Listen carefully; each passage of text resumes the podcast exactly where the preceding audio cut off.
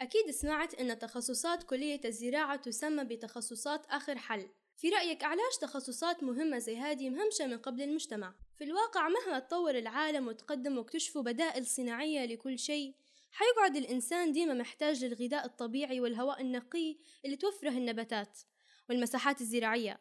ولأن صحتنا أهم شيء نملكوه تخصصات زي علوم الأغذية والاقتصاد المنزلي مهمة جدا. حس الجامعة إحساس منجد دليل ومرشد. أهلا بكم في بودكاست حس الجامعة. في محطتنا لليوم حنسلط الضوء على التخصصات هذه مع ضيفتنا المميزة أنفال محمد. أهلا بك أنفال كيف حالك؟ الحمد لله تمام. كيف حالك أنت أبرار؟ الحمد لله بخير. بداية متشوقين يا أنفال نتعرف عليك. عارفين عن نفسك. آه أنفال نقرأ في كلية الزراعة تغذية. شغفي آه التغذية وأن ندير أنظمة غذائية للناس ونوصلهم لأهدافهم. لأن الشيء هذا طبعا ينعكس حتى على حياتهم اليومية لما الشخص آه يوصل لمرحلة أنه هو واثق من نفسه أكتر ومن جسمه أكتر آه نؤمن أن الشيء هذا ينعكس حتى على حياته. فهذا هو شغفي. تمام. أنفال أحكينا على كلية الزراعة يعني أقسامها وشنو مميزاتها وشنو هي عيوبها يعني وحتى كيف الدراسة فيها. إحنا طبعا في كلية الزراعة كل قسم آه يشترك مع القسم الثاني في هدف واحد إن إحنا ننتجوا أفضل منتوج للبلاد. يعني عندنا هلبا أقسام قسم اسمه مثلا المحاصيل يركزوا أكتر شيء على البذور وشنو الأفضل الأنواع وكيف نزرعوها. آه، في قسم اسمه الإنتاج الحيواني. آه، مهم جدا طبعا آه، أبسط شيء الدجاجة كيف إنها هي من بداية مراحلها للنهاية تكون سليمة وبعيدة عن كل الحاجات اللي نشوفوا فيها توا في طبعا الأيام هذه. آه، في قسم اسمه التربة في قسم طبعا اللي هو قسمي آه، علوم وتقنية الأغذية.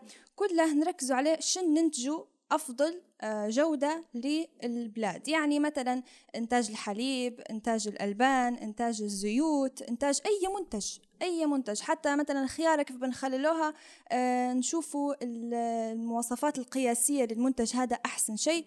وهذا هو يعني اللي يدور حول تمام باهي. شنو هم مميزات وعيوب الكلية يعني؟ آه طبعا مميزات الكلية تختلف حسب انت شن تبي تقري. يعني لو تبي تقري تغذية ما فيهاش هلبة مميزات صراحة وهذا الموضوع اللي أنا جاية يعني شوية نبي نوضح فيه إن التغذية كأن أنت بتديري أنظمة غذائية أو شيء مش متوفرة هلبة في الكلية.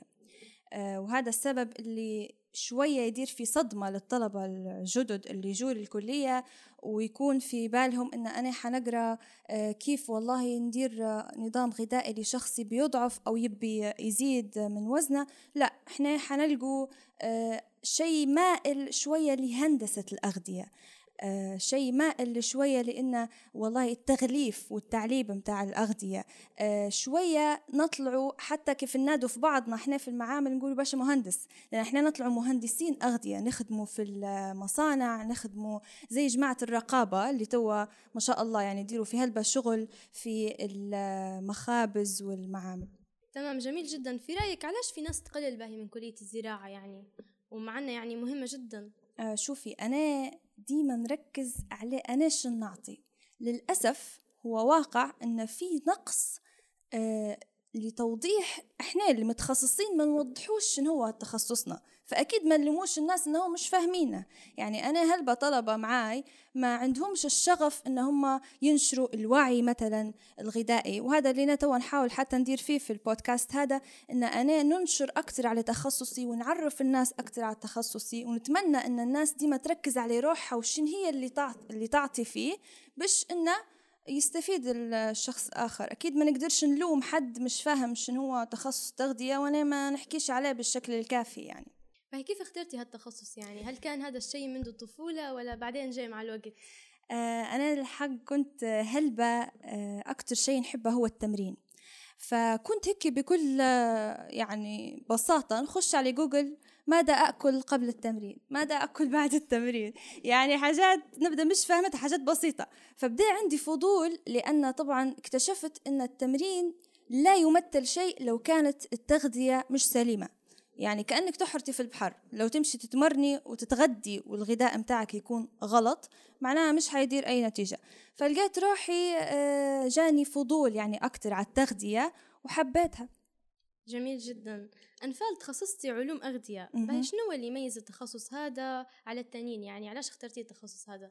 اخترت تخصص علوم الأغذية آه، لأنه هو تخصص طبعا زي ما قلت لك آه، حبيته ولقيت إنه المواد متاعته شوية قريبة من اللي أنا نبيه. يعني مش بالضبط بالضبط زي ما نبي حنزيد نفسر الموضوع هذا. لكن لقيته قريب يعني فيه ال- المواد اللي أنا آه، نحب إني نقراها. طبعا الصعوبة اللي واجهتها في التخصص آه، ولما اخترت آه، علوم وتقنية الأغذية أنا ما ركزتش هلبة في جملة آه، تقنية الأغذية. للأسف لقيتها هذه هي الكل. يعني خشيت أول سمسترات كانت آه، مواد عامة وهذا شيء من آه، عيب من عيوب كلية الزراعة إنه المواد العامة فيها هلبة. يعني أنت تلقي روحك مثلا ثلاثة سمسترات أربع سمسترات قاعدة تحاولي ان تكملي المواد العامة باش تخشي في مواد التخصص.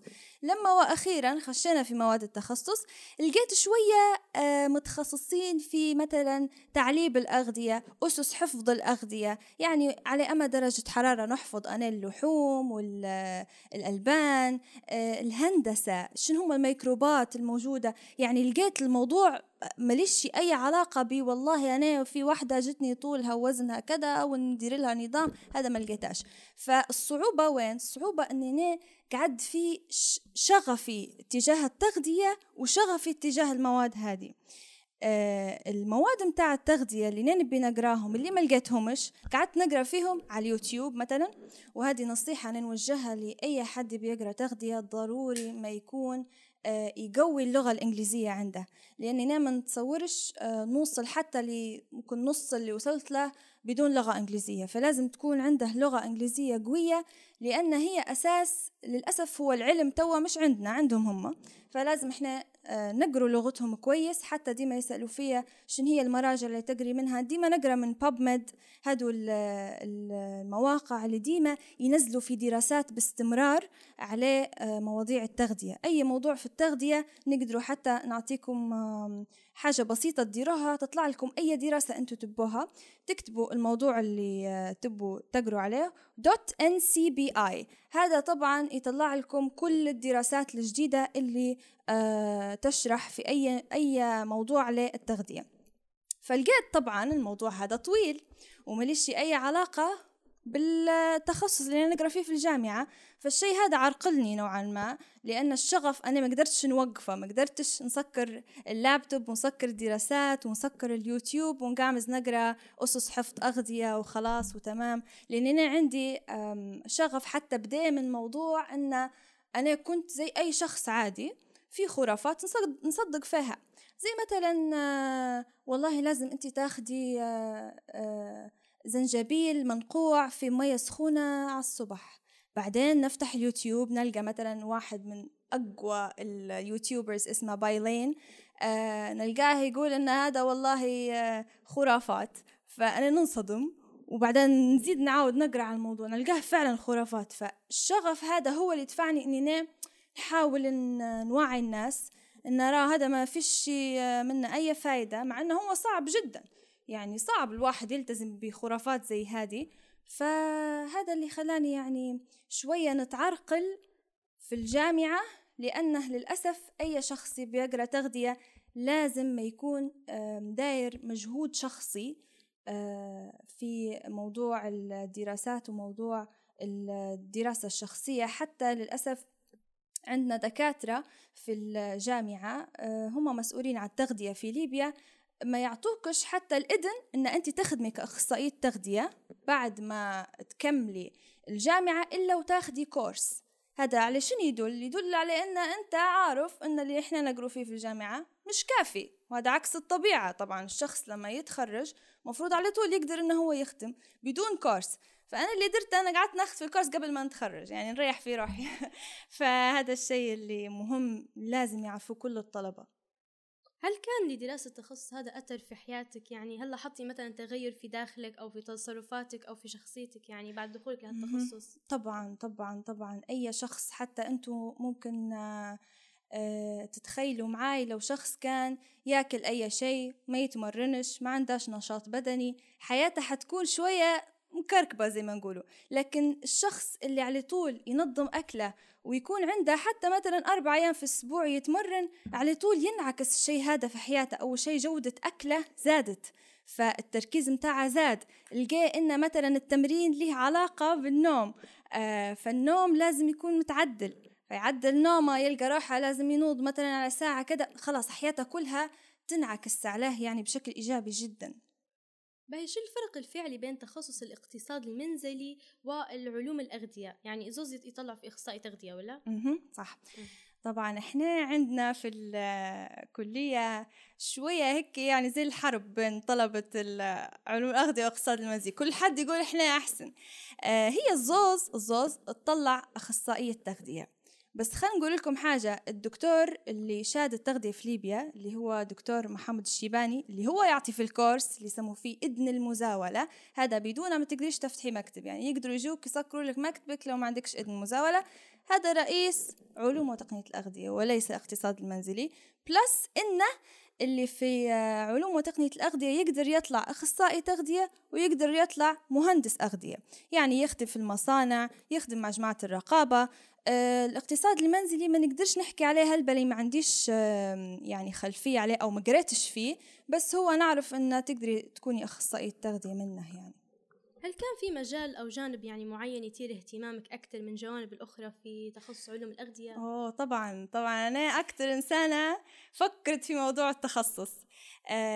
وتخصصات مختلفة هلبة على بعضها. يعني عادي جدا كنت فترة نبي نكون مصممة أزياء. أه، كنت نبي نكون مترجمة. صراحة لكن كل شيء فادني. أكتر شيء فادني لما كنت فترة نبي أكون مترجمة طبعا أنا نحب اللغات بشكل مش طبيعي. فقررت إني ناخد إنجليزي على أساس إن أنا متخصص إنجليزي. بس لقيته برضو مفيد جدا في موضوع التغذية. حتى من كتر ما نحب اللغات يعني قعدت فترة في الحجر الصحي خديت ألماني أه ولقيت إنه اللغة الإنجليزية خلينا نركزوا على الموضوع هذا أه أنا ما كنتش نبي مثلا نفهم شنو الأدب الإنجليزي ولا تاريخها ولا شيء باش نتخصص فيها. أنا فقط نبيها كلغة. فلقيت روحي نقدر ناخد كورسات ونتخصص في شيء مازال يعني آه، يستحق انه هو يكون تخصص. طبعا ما نقصد الشيء على جماعة اللي يقروا في اللغات كلكم كويسين تمام. بس أنا نحبها كلغة. إني نعرف مجرد مصطلحات ونتكلم بس يعني مش بتعمق. جميل جدا. شنو هي التحديات اللي واجهتك أثناء دراستك لهذا التخصص؟ يعني وكيف حتى تغلبتي عليها؟ أه تحديات أه اللي واجهتني زي ما قلت لك إن أنا لقيت روحي نبي في خمس سنين هادو أو الأربع سنين اللي حنقضيهم في الكلية. نبي نفهم ونعرف كيف ندير أنظمة بكل بساطة. لقيت روحي لو أنا حنقعد الأربع سنين والخمس سنين حنطلع منها وأنا قاعدة مش عارفة.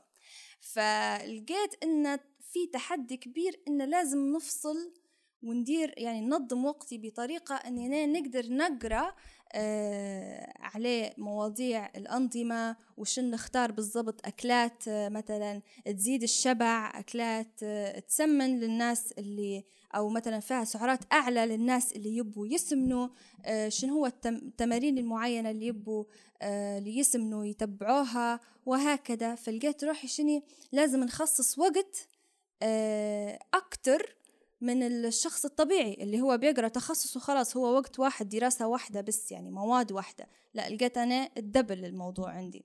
فننصح أي حد يبي يقرأ تغذية من قبل ما يتخرج يعطي لروحه الفرصة إنه هو ياخد خلفية يعني على الموضوع هذا. كيف يختلف مجال علوم الأغذية عن دراسته؟ يعني كعمل. آه كعمل لو آه، دراسة تقصدي إنه هو مهندس أغذية؟ ما يختلفش صراحة. يعني في هندسة الأغذية في المصانع آه عندنا حاجات هيك تفصيلية. مثلا علاش شيشة المية فيها فراغ بينها وبين المغطى؟ مثلا علاش هيك الحاجات هذه ما تختلفش. آه كله يقروا فيه كمهندسين أغذية. هو الصراحة الموضوع هذا يعني لأن أصلا كتخصص أخصائي أغذية شوية جديد في العالم. يعني ما هوش قديم زي مثلا طب أو هندسة باش إنه يفتحوا لها كلية. حتى توا هم قاعدين يحاولوا إنه يزيدوا يحطوا مواد خاصة بالتغذية أكتر لأنه هو يعتبر جديد. فهذا علاش آه، الكورسات في التخصص هذا مشهورة أكتر من الجامعات. لأن الكورسات حاجة تقدر تديرها في ساعة جديدة سريعة مش زي الجامعة نظام جامعة كلها حيتغير. فالشيء هذا عندهم فيه العذر طبعا. جميل جدا. أحكي لنا كيف ممكن يأثر الأكل الصحي على حياة يعني على حياة الشخص على حياته في معدل إنتاجيته؟ طبعا الأكل الصحي آه، زي مش زي لما واحد ياخد أكل فيه فايدة ليه. آه، فيه فايدة للتركيز فيه فايدة لجودة التركيز متاعه وقت لما يقرأ وقت لما مش زي لما ياخد أكل إحنا نسمو فيه سعراته فارغة. يعني مثلا مش زي لما تاخدي تفاحة هو طبعا الأخصائيين التغذية ديما التفاحة أول مثال يعطوا فيه آه، أو زي ما تاخدي طرف دونت. أكيد هي نفس السعرات مرات مرات نفس السعرات لكن القيمة الغذائية هي اللي تختلف. جودة الغذاء شن بيعطي لجسمي الغذاء هذا؟ فكل ما أنا نعطي لجسمي كل ما جسمي يعطيني وينعكس على الحياة اليومية التركيز الحركة. يعني إحنا للأسف عندنا هلبة هلبة هلبة نقص في مثلا فيتامين دي لأن مش معدلين على آه، جودة أكلنا مش معدلين. ناخدوا مكملات ولا لا؟ أنا تقريبا 80% من المشتركات كل شهر يكون عندهم نقص حاد في فيتامين دي آه، وبعض الفيتامينات الثانية طبعا. فلازم الشخص آه، يعطي لجسمه ويستثمر أول شيء في جسمه باش ينعكس الشيء هذا على حياته اليومية. هذا المجال من أكثر المجالات اللي تكون فيه معلومات مغلوطة يعني تؤدي إلى إيذاء النفس بدل تحسينها. مه. يعني زي مثلا من فترة سمعنا بموت أشخاص بسبب ال keto diet مه. في رأيك شنو هي أهم الموارد اللي نقدر ناخذ منها؟ يعني معلومات صحيحة ونعزز يعني معرفتنا في جانب الغذاء. أول شيء طبعا موضوع الكيتو خلونا شوية بناخد وقت في الموضوع هذا لأن بداية بداية الكيتو طبعا إحنا باش نفهموا حاجة لازم نشوفوا بدايتها. فهي بداية الكيتو كانوا في مرضى عافانا الله وإياكم مرضى الصرع. الدكاترة شافوا أن الكربوهيدرات اللي هي الخبزة والمكرونة والرز والكسكسي تدير لهم في شوية يعني آه، تأثير سلبي على صحتهم. فقالوا خلاص إحنا بنقطعوا العنصر هذا اللي هو الكربوهيدرات اللي هو طبعا معروف إنه هو أول عنصر أساسي للطاقة في جسم الإنسان. فخلاص بنحو الكربوهيدرات ونستبدلوه بالدهون لأن الدهون حتى هي يقدر الجسم ياخذ منها طاقة. فالجو طبعا العلماء هادم درسوا سعرات الشخص أعطوه نفس سعراته من الدهون والبروتين هذا نظام الكيتو. فلقي الشخص هذا لقوا المرضى ان هم قاعدين ينقصوا في دهون. فقالوا واو هذا النظام مليح حتى الناس اللي ما عندهمش صرع بدو يديروا فيه لأنه هو ينقص في دهون. هي الفكرة هذه مغلوطة لأن لو نلاحظوا أن زي ما قلت الدكاترة حسبوا سعراتهم. فلو الشخص الطبيعي يحسب سعراته ويمشي باعتدال مش لازم حتى يحسب بس ياكل الكربوهيدرات باعتدال حيلقى روحه ناقص في الدهون. لأن الجسم مش حيفهم أنت دخلت له بكلاوة ولا دخلت له موزة هو حيفهم بس هل هذه حسب سعراتي ولا أكتر؟ أكتر حنحطهم في المخزن المخزن هو الدهون. أقل حناخدهم من المخزن والمخزن هو الدهون. يعني كيف بناخدهم من المخزن؟ لما أنا نزيد نشاطي في الجسم يحتاج طاقة باش آه، يحرق الدهون هذه فناخدو شوية من الدهون ونحرقوهم. آه ناخد أكتر من احتياجي حنخزنه في دهون. حتى لو كان على فكرة في ناس مدارين كيتو دايت ويسمنوا لأنهم ياخدوا في دهون أكتر من احتياجهم. فهي مش على الصنف الأكل شنو هو هي على كمية الأكل شنو هي. في رأيك أنفال شنو هي الفرصة المتاحة للأشخاص المتخصصين لهذا التخصص؟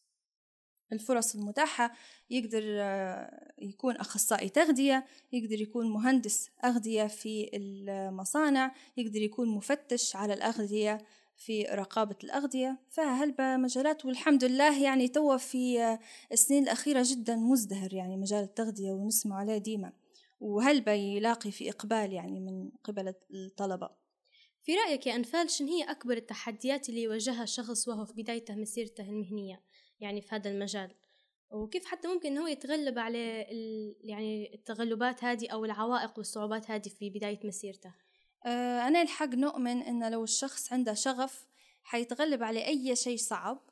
يعني أنا كان في البداية صعب علي أن أنا نثبت مثلا نفسي أو نخلي حد يوثق فيا لدرجة أنه هو يخليني ندير له نظامة ونشرف عليه. أكيد هو أي شخص في أي مجال حتكون في البداية صعبة لكن صعبة بشكل حلو لما تكوني أنت عندك شغف وتتي نفسك يعني. جميل جدا. أنفال انت معروفة إنك انت نشطة شوية في انستغرام آه يعني احكي لنا على رحلتك في إنشاء هذا المحتوى ويعني كيف كانت الرحلة هذه؟ يعني كيف بديتها آه أول شيء بديتها بثقة. يعني كانت عندي ثقة أكثر حتى ممكن من توا آه كنت عندي تقريبا 200 متابع نكلم فيهم كأنهم 200 ألف. يعني بكل آه نعرفش الحق في البداية كانت قصة هي متاع الخزعبلات على قولتهم أو الخرافات.